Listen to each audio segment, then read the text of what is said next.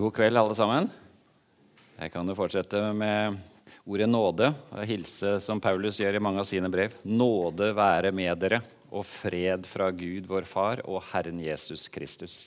Det er i Hans navn jeg er samlet, og det er eh, på grunn av eh, det Han har sagt oss, og det Han har fortalt oss. Det er på grunn av at Han er skaper, kort og godt. At eh, vi også opplever nå å være i en situasjon i Norge og i flere land med kristen tradisjon og kristen historie hvor ting er i oppløsning, og hvor det er god grunn til å snakke om både samlivsrevolusjon og, som det står på tittelen, kjønnskamp, kulturkamp og kristentro.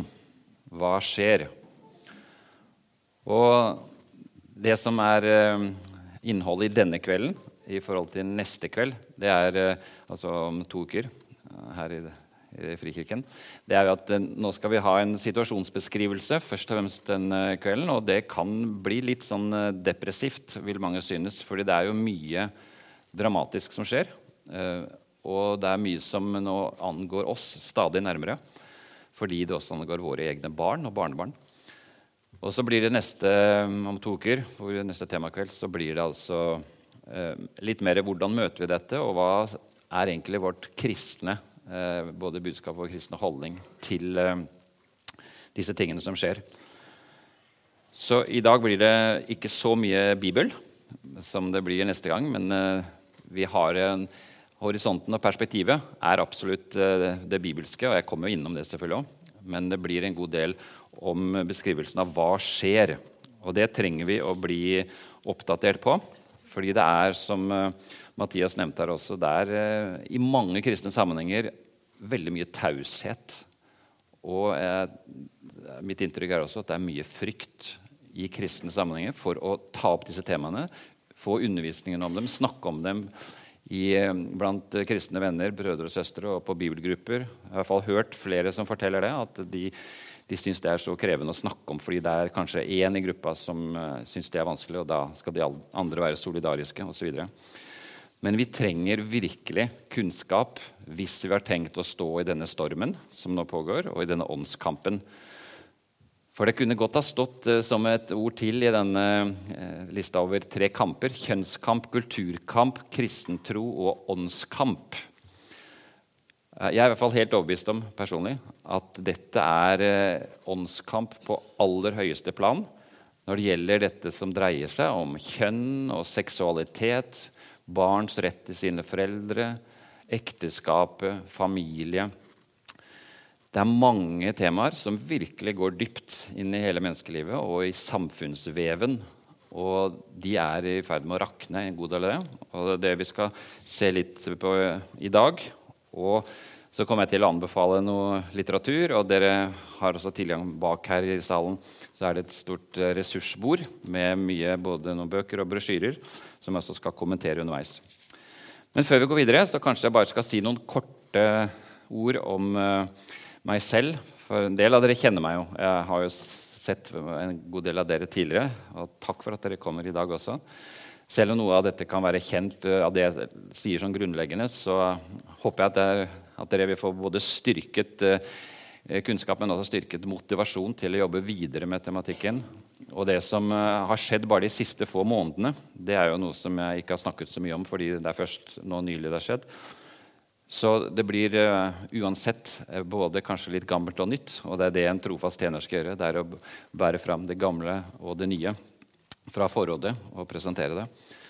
Men i hvert fall, jeg er jo Oslo-gutt, som dere sikkert hører på dialekten. Eller i hvert fall østlandsgutt. Og, og mann. Eldre mann, for å si det sånn. Og jeg har bodd nå 20 år i Kristiansand etter at uh, vi kom fra eh, Portugal. Kona og jeg jobbet sammen med våre to barn, som da en ble født i Portugal, den andre var nyfødt. Der jobbet vi ti år som eh, studentmisjonærer. Jobbet for den portugisiske lagsbevegelsen. Det var veldig flotte år. Så vi har mye kontakt fortsatt med Portugal. Og det var krist, norske kristne skolelaget som vi var utsendt for. Og så har jeg arbeidet en del i eh, Åpne dører i 10-11 år der også. og De siste 15 årene, litt sånn på deltid, og så nå fulltid de siste fem årene, så er eh, det stiftelsen Mor, far, barn som er min arbeidsgiver. Og det er mer enn nok å gjøre, og det blir stadig mer. Eh, vi har hatt tre faser i vårt arbeid. Det første det var å prøve å påvirke politiske prosesser i forbindelse med ekteskapsloven, som jo ble kjønnsnøytralisert i 2008. Det husker sikkert veldig mange av dere. Eh, noen av dere var kanskje til og med med på denne store ekteskapsmarsjen som vi hadde i Oslo i april 2008, hvor det var ca. 5000 som deltok og gikk oppover Karl Johan og hadde folkemøte på Youngstorget. Og med mye protester også fra ikke minst Blitz-ungdom, som prøvde å overdøve oss både på Universitetsplassen og på Youngstorget. Og da, De greide ikke det, for vi hadde heldigvis gode høyttaleranlegg. Men da hadde Per Lønning, som hadde en appell på Youngstorget Han eh, ble mer, kanskje mer enn de andre prøvde å bli overdøvet av de som sto med masse forskjellige instrumenter og lyder og grytelokk og diverse som for å lage bråk. Men da sa Per Lønning veldig sånn treffende, som han av og til hadde skikkelig gode replikker. Ja, hør nå etter, folkens. Det er toleransen som er ute og lufter seg. Det, det er eh, noe av det som eh, både var typisk da, men det er blitt enda tydeligere nå. At uh, toleranse det er blitt et fremmed begrep for en god del på den andre siden, hvor det liksom nå er bare én mening som gjelder, og som det er lov å hevde offentlig. Og det er den eh, som dreier seg om grenseløs frihet. Og det er normkritikk. Det er eh, oppløsning av veldig mye av det som eh, våre samfunn har bygget på i årtusener. Og ikke minst på dette det temaet med kjønn er det også transbevegelsen er blitt ekstremt sånn både autoritær og eh, ekstremt eh, sånn ensrettet på at det skal ikke være lov å si offentlig at det finnes to kjønn. Nei, for det finnes mange kjønn. Og hvis du mener at det finnes bare to kjønn, ja, da er du transfob. Og det er ikke bare kristne som blir anklaget for det, men også mange andre. Og jeg syns det er interessant at uh, i Dagen for uh, bare tre dager siden, eller var på Si, det var, eh, ja, var lørdag. På lørdag så var det en helsidesartikkel om en, som, en uh, lærer i England som har blitt sparket fra jobben, blitt oppsagt. Og det er blitt bekreftet også nå i en rettssak at hun fortjener å bli oppsagt fordi hun på sin Facebook-side skrev noe om at hun mener at det bare finnes to kjønn, og at hun er bekymret for det barna lærer nå på skolen om dette. Fordi hun sa det, så mistet hun jobben. Og det er uh, noe som vi begynner å se også i Norge. Ikke ennå at så mange har mistet jobben, men de går etter levebrød til folk. De går anonymt og klager til rektorer og bedriftsledere og sier at den personen der eh, er transfob, er veldig ondskapsfull mot oss som er minoriteter. og Jeg syns dere skal vurdere om hun bør sies opp. Det kjenner jeg selv folk som har opplevd, og som blitt kalt inn på rektors kontor og som måtte be om unnskyldning på Facebook og sånn, for hun hadde skrevet noe saklig og helt normalt. Men det er eh, veldig spesielt, det som nå skjer. Og det gjelder som sagt ikke bare kristne. For det samme har jo J.K. Rowling, hun som har skrevet Harry Potter-bøkene. Hun har opplevd det samme de siste månedene.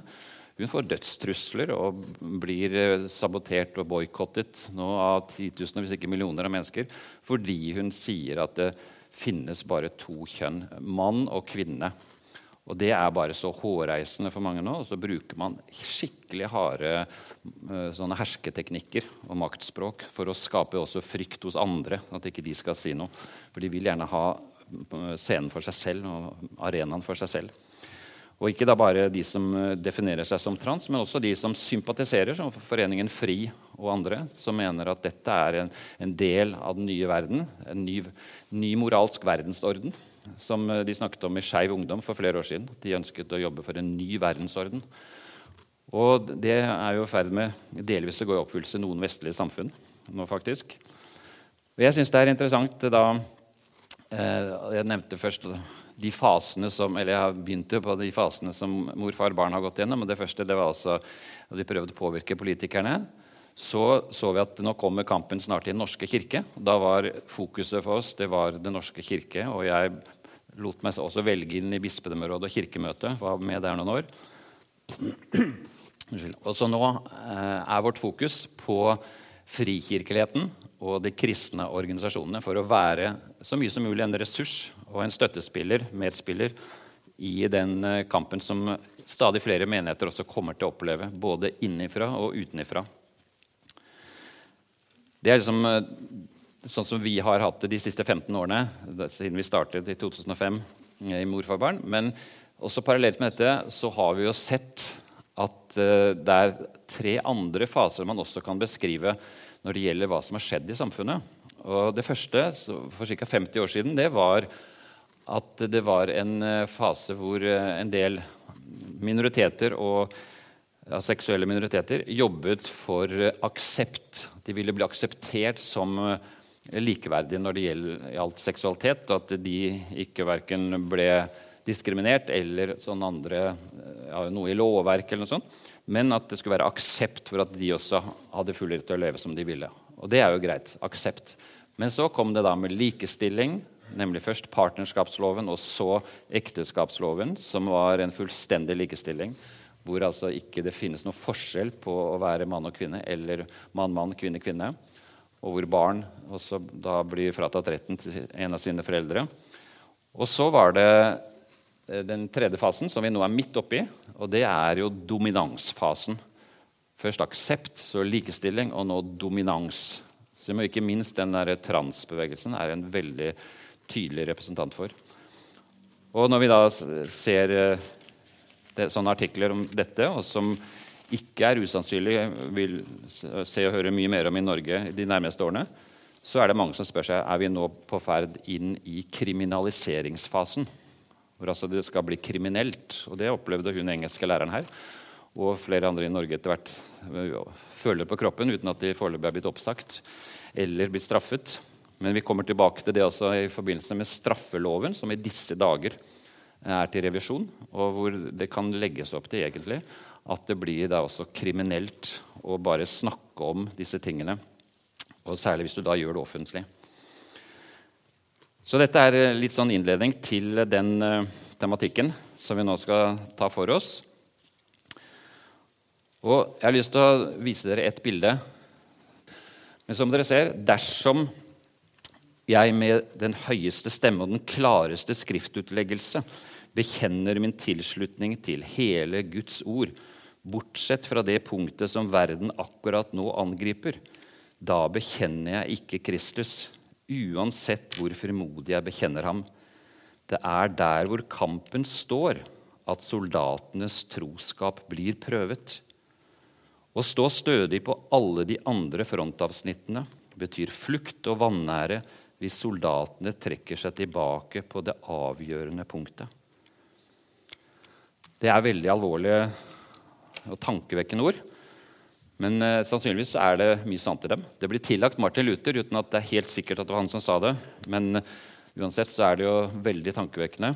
Og det er som uh, bygge Jerusalems murer og tenke på Nehemia og sånn. Hvis det hadde vært én åpning for ikke de forsvarte, ok, da hjalp det ikke så veldig mye om de hadde en flott mur rundt resten av, av Jerusalem. Og litt av det samme også. Hvis ikke vi som Guds folk, hvis ikke alle dere som eh, er kristne. Jeg forutsetter ikke at alle her er kristne, så hvis du ikke er det, så er du hjertelig velkommen. Men av de av dere som er kristne, så vet vi det. At eh, det er eh, visse saker er til, vi er nødt til å kjempe for, og vi ikke bare kan si at det er sånn adiafora, og det spiller ingen stor rolle hva du mener eller hva du tenker og tror. For her er det en kamp nå som foregår på dypt plan i hele skapelsesteologien hele Guds mening og design for menneskelivet og for familien, ikke minst. Jeg syns uh, Skal jeg se først om jeg får dette til å virke? Nei, fortsatt ikke. Da må jeg bare beklage. Da får jeg bruke min uh, hjelper her nede ved bordet. For jeg har på papir her disse bildene, så jeg vet hvilke bilder jeg skal be om å vise. Da går vi til bare neste bilde som sier litt om viktige spørsmål som det nå diskuteres vidt og bredt eh, i mange sammenhenger, men stadig mer ensrettet, hvor man skal ha det riktige svaret. Og hvis du er uenig i de svarene som nå gis, så er det altså en pris å betale. Det første det er, eh, det er Hva er egentlig ekteskapet? Er ekteskapet Guds skaperordning for én mann og én kvinne? Eller er ekteskapet en menneskelig oppfinnelse som vi står fritt til å definere som vi vil? Har barn rett til å kjenne sin egen mor og far og deres slekt? Eller har biologiske foreldre og slekt ingen betydning? Er planlagt farløshet og morløshet i strid med Guds vilje? Eller er to mammaer eller to pappaer like greit? Er far overflødig? Er samliv og ekteskap bare for to personer? Eller er tre eller fire personer like bra? Hvorfor? Hvorfor ikke? Er kjønn avhengig av hva vi føler? Går det an å være født i feil kropp? Eller er kjønn bestemt av biologien? Alle kvinner har XX-kromosomer i hver eneste av de milliarder av celler vi har i kroppen. Og alle menn har XY-kromosomer. Og da er spørsmålet betyr ikke det noe lenger. Og det ser det faktisk ut som det ikke gjør. Hos eh, mange nå, flere og flere, så blir kjønn definert som om det er avhengig av følelser. Det er det det baseres på. Og Derfor så har vi jo fått en lov vi kommer tilbake til etterpå, som eh, handler om akkurat det, nemlig eh, lov om endring av juridisk kjønn. Bare sånn spørsmål her, er den koblet inn på min datamaskin? Ja. Det går ikke. Det virker ikke. Men hvis du hever den Bare prøv å heve datamaskinen. Jeg skal se om, om, det står bak at det er det som gjør det. Nei. Det er noe, et eller annet som eh, vi ikke skjønner. Det er noe av det uforklarlige i livet. Ja. Men det er bra. Men det er godt vi har eh, tekniker som hjelper til her. Og jeg har jo ofte brukt denne illustrasjonen på det som er våre vår motivasjon og våre ressurser i møte med alle de typer spørsmål som er nettopp eh, listet opp. Og det finnes jo mange andre, Men det sier noe om bredden og dybden her. Det går på så mange aspekter ved menneskelivet og familien, og med barn ikke minst. Og barneperspektivet er bare helt grunnleggende i disse spørsmålene. Og som er et av våre viktigste stikkord når vi skal forsvare og når vi skal si hva vi tror på. Alle våre ja-budskap, som er ja til barnet, på ulike måter. Men jeg tenker at eh, det første ordet det er jo kjærlighet, som er eh, helt grunnleggende. Vi må ha den motivasjonen at vi deltar, enten vi kaller det kamp, eller det er en samtale, eller det er et forsvar for det vi tror på, så er kjærlighet helt grunnleggende. Kjærlighet til Gud, kjærlighet til vår neste, kjærlighet til Guds ordninger, kjærlighet til Hans ord, lydighet. En, en lydig kjærlighet hvor vi vet at det å gjøre det Gud vil, det er en del av det å følge Jesus. Det er en del av det å være et menneske som betyr en forskjell i verden, fordi vi speiler Guds kjærlighet. Og jeg tenker sånn også I møte med folk som mener noe helt annet enn oss, så er vi også kalt til å vise Jesu kjærlighet, Jesu eh, godhet, eh, vennlighet og hvis eh, noen mener noe helt annet enn oss, ok, det er greit. Altså, det respekterer vi. og vi, eh, vi er tolerante, håper jeg. Altså, det ønsker i hvert fall jeg å være. Håper du også ønsker å være det. Da i den gode, riktige forståelsen av ordet, nemlig at jeg er helt uenig med deg, men jeg respekterer din rett selvfølgelig, og forsvarer din rett til å stå for det du gjør. Da håper jeg du gjør det samme med meg. Det er ikke relativisme. Altså, av og til så blir Eh, toleranse nå framstilt som relativisme. Som du er ikke tolerant hvis ikke du mener at alt er like greit. Og det er fullstendig feil i forhold til den tradisjonelle, klassiske forståelsen av hva toleranse er. Og hvis, eh, kommer, altså hvis min sønn hadde kommet hjem en gang og sagt at eh, du pappa, jeg tror jeg er bifil, eller jeg tror jeg har homofile følelser, eller for den saks skyld jeg, jeg tror jeg vil bli buddhist, eller jeg ønsker å bli en muslim, uansett hva det er for noe, så ville jeg sagt Jeg har snakket med han selvfølgelig, jeg har sikkert gjort det flere ganger også før det.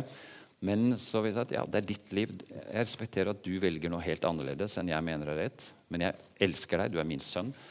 Og jeg, jeg sier til meg selv nå må jeg bare elske Andreas enda høyere. Uh, vise det kjærlighet, at jeg virkelig ønsker ditt beste. Så kan det godt være han kommer tilbake siden. Så dette med kjærlighet det er så grunnleggende at det kommer både som det første og det siste ordet her. i denne lista. Skal vi gå fortere gjennom det neste? Det er kallet til å følge Jesus og ta del i hans eh, prosjekt her i verden. Så er det konsekvenser. Vi må innse konsekvensene for å skjønne alvoret, for det er mye bagatellisering. Det er mye overfladiskhet som pågår på disse temaene som vi har oppe i kveld. Og da trenger vi å, å, se konsekvensene, og det tror jeg dere vil få ganske god, godt innsyn i i løpet av neste eh, timen. Så er det kunnskap som er også helt grunnleggende. Vi må vite litt om hva dette handler om, og hvordan vi skal ordlegge oss. Vi må lese oss litt opp. Vi får ikke denne kunnskapen bare ved å sitte og vente på at noe skal skje. Vi må oppsøke den. Og da nytter det ikke bare å lese aviser og, og sekulære medier. Tvert imot, du må oppsøke noe god litteratur. Og da kommer jeg med litt eh, innspill på det etter hvert. Så er det kamp. Det ligger jo i tittelen på dette temamøtet. Det er faktisk både åndskamp, men også kjønnskamp, kulturkamp. Og det dreier seg om også kampen og forsvaret for den kristne tro, for det vi tror på, er Guds skapervilje. Og så er det kraften som vi får underveis når vi er i bevegelse for Jesus, når vi går i tro, når vi tar ham på ordet, så får vi kraft underveis. Og det er jo noe av privilegiet ved å være kristen. Og så er det siste ordet, som er kjærlighet om igjen. På en måte både taket og grunnvollen i det vi, vi lever ut som kristne, som både er motivasjon og som ressurs. Guds kjærlighet utøst i våre hjerter. Jeg har lyst til å nevne et bibelvers før vi går eh, snart over på noen uh, nye temaområder der. Og det er det veldig kjente ordet der, eller setningen i rødt, som dere ser. Vi skal være tro mot sannheten i kjærlighet. Og det er et av stikkordene som en av de grunnleggende setningene som jeg tror er helt viktige for oss også helt å huske på. Det er sannhet og kjærlighet. Og det, men det står i en sammenheng, det, den setningen der i rødt. Vi skal ikke lenger være umyndige småbarn ikke la oss kaste hit og dit og drive omkring ved hvert eneste vindpust av ny lære, så vi blir et bytte for menneskers falske spill og listige, forførende knep. Men vi skal være tro mot sannheten i kjærlighet, og i ett og alt vokse opp til ham som er hodet, Kristus. Det å ikke følge med trender og moteretninger når de kommer, men være grunnfestet i ordet, i Guds ord. Og ikke la oss være bytte fordi vi er kunnskapsløse eller overfladiske, eller fordi vi er redde og har menneskefrykt. Og da bli bytte for menneskers falske spill og listige, forførende knep. Og som er ganske god beskrivelse av mye av det som skjer nå faktisk i denne tematikken. Ikke bare i Norge, men også internasjonalt. Og Målet er da å være tro mot sannheten og kjærlighet og i ett og alt vokse opp til ham. Det har med vekst å gjøre, som jo er et flott ord med frukt og vekst og noe dynamisk. Noe som er i utvikling.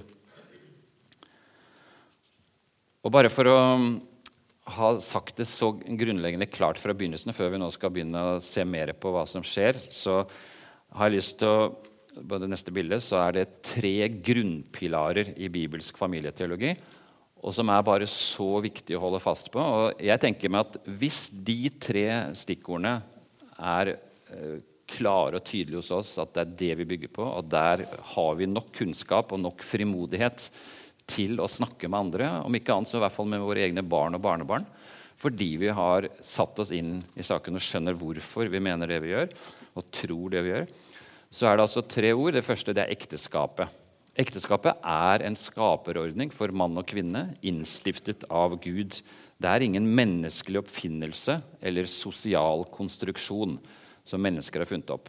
Nei, det er faktisk Guds viktigste skaperordning for hele menneskelivet. Det er ekteskapet mellom én mann og én kvinne.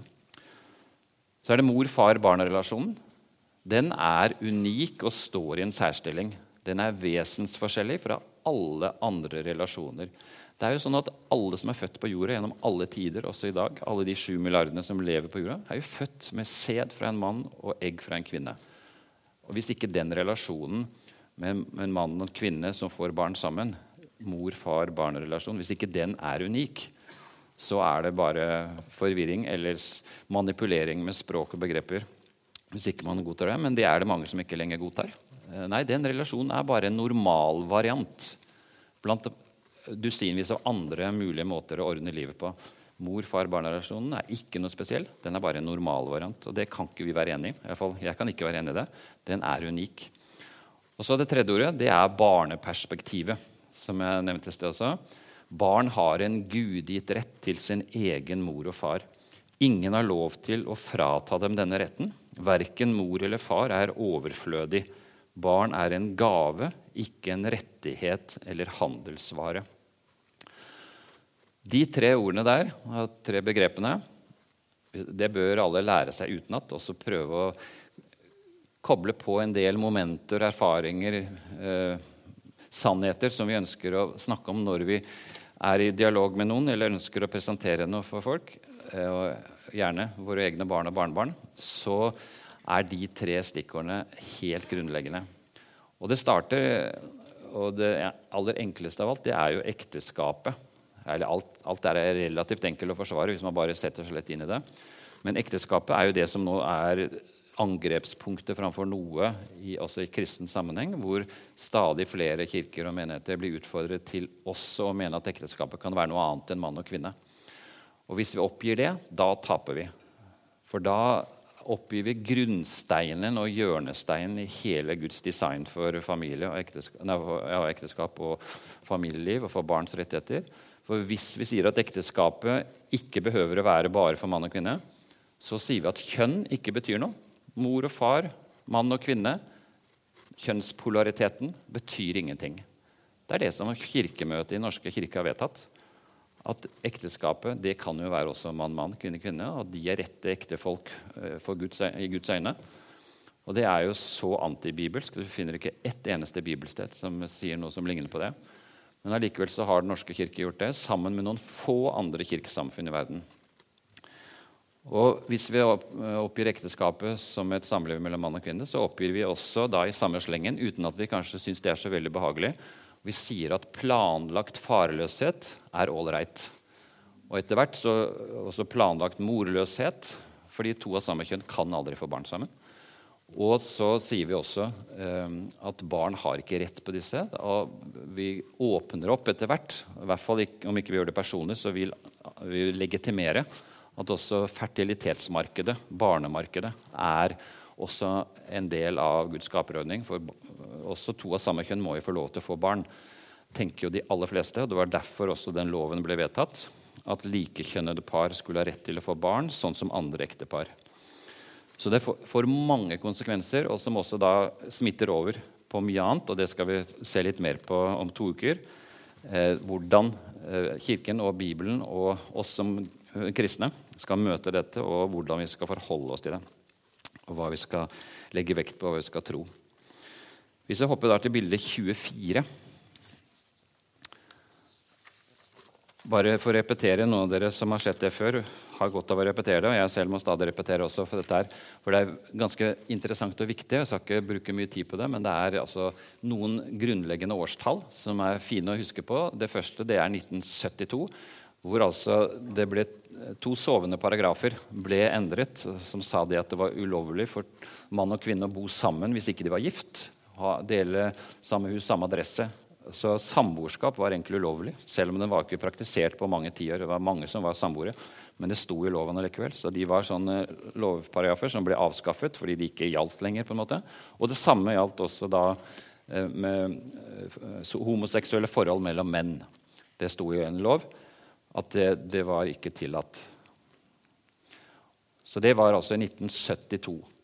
Så i 1993 så kom partnerskapsloven for par av samme kjønn. Den ble innført. Den var nesten identisk med ekteskapsloven. Hovedforskjellen var bare at staten hjalp ikke likekjønnede par å få barn. Så eh, Adopsjon for to av samme kjønn eller assistert befruktning betalt av staten, det, det var ikke med i den pakken. kan si. Men ellers så var det så å si en avskrift av ekteskapsloven. Så I 2008 så kom den kjønnsnøytrale ekteskapsloven. To av samme kjønn kan gifte seg. Og I 2016 så fikk vi lov om endring av juridisk kjønn. Og Det er en veldig spesiell lov, for den sier altså noe som de fleste bare for ti år siden, eller fem år siden nesten, ville sagt at det er jo helt sprøtt. Altså, det vil jo aldri skje i Norge. Og mange er ikke klar over nå heller at det har skjedd, at de har en sånn lov. Og Den skal vi se litt på etterpå. Men den, den, loven, endring av juridisk kjønn, det er jo en av årsakene til at vi nå er kommet opp i en situasjon hvor alle barn i Norge har fått et nytt livsprosjekt, nemlig å finne ut om er jeg gutt eller er jeg jente. Og hvor de altså lærer til og med nede i barnehagen at det er ikke sikkert du Ole, du liker å like, leke med jenter. Kanskje du egentlig er født i feil kropp, at du egentlig er en jente. Altså, jeg sier ikke at alle barnehagelærere sier sånn ennå, men det er det som nå etter hvert er tankegangen, og som Foreningen FRI underviser barnehagelærere og alle, at uh, barn vet hvem de er. Så hvis de er litt forvirret, så er det ikke sikkert de er det. Det er du som foreldre som er forvirret, som ikke skjønner at dine barn vet jo hvem de er. Så man overser alt av utviklingspsykologi og barnepsykologi, og at puberteten er en veldig turbulent fase i de fleste menneskers liv. Nei, eh, Som tolvåring, hvis gutten din mener at han er jente, så er han jente. Så den loven den eh, er veldig spesiell, og den kan vi nå se litt på. Bilde 27. er det greit? Og Det var altså denne loven som har det navnet. Lov om endring av juridisk kjønn. Ta neste punkt. Den ble vedtatt i juni 2016, og den loven gjelder alle nordmenn. Den er kun avhengig av altså Hvis du vil endre kjønn, så er det kun avhengig av en egenmelding, et skjema du fyller ut på Internett. Jeg, hvis jeg kan snakke nå for meg selv, hvis jeg ønsker å bli kvinne, så går jeg inn på skatteetaten.no, søker opp på eh, endring av juridisk kjønn, og så fyller jeg ut det skjemaet, sender det inn. Og så Etter et par uker så får jeg svar tilbake. Vi har mottatt melding om at du Øyvind Benestad, ønsker å bli kvinne. Holder du fast på dette ønsket? Og Hvis jeg da sender et svar tilbake ja, jeg vil bli kvinne, så får jeg etter en ukes tid tilsendt nytt personnummer som viser at nå er jeg kvinne. Og jeg får uh, nytt pass. Jeg går til politiet, så får jeg nytt pass hvor jeg blir står ikke lenger at jeg er mann, men jeg er kvinne uh, i det passet. Og jeg kan si fra til forskjellige andre uh, enheter i samfunnet og institusjoner at nå er jeg blitt kvinne. Og jeg har alle rettigheter som en kvinne. Og alle er egentlig forpliktet til å behandle meg som en kvinne. Og jeg kan se ut akkurat som jeg gjør nå resten av livet. Eh, og dette er altså eh, mulig fra man er 16 år gammel, kan man gjøre det sjøl. Men barn ned til Jeg kan ta det først. Barn også kan skifte juridisk kjønn hvis foreldrene vil. Men det kommer til neste punkt igjen. Men ingen rådgivning må til. Jeg behøver ikke å snakke med noe som helst av helsepersonell eller noen andre personer. Ingen medisinsk diagnose, ingen behandling eller kjønnsoperasjon for å skifte kjønn.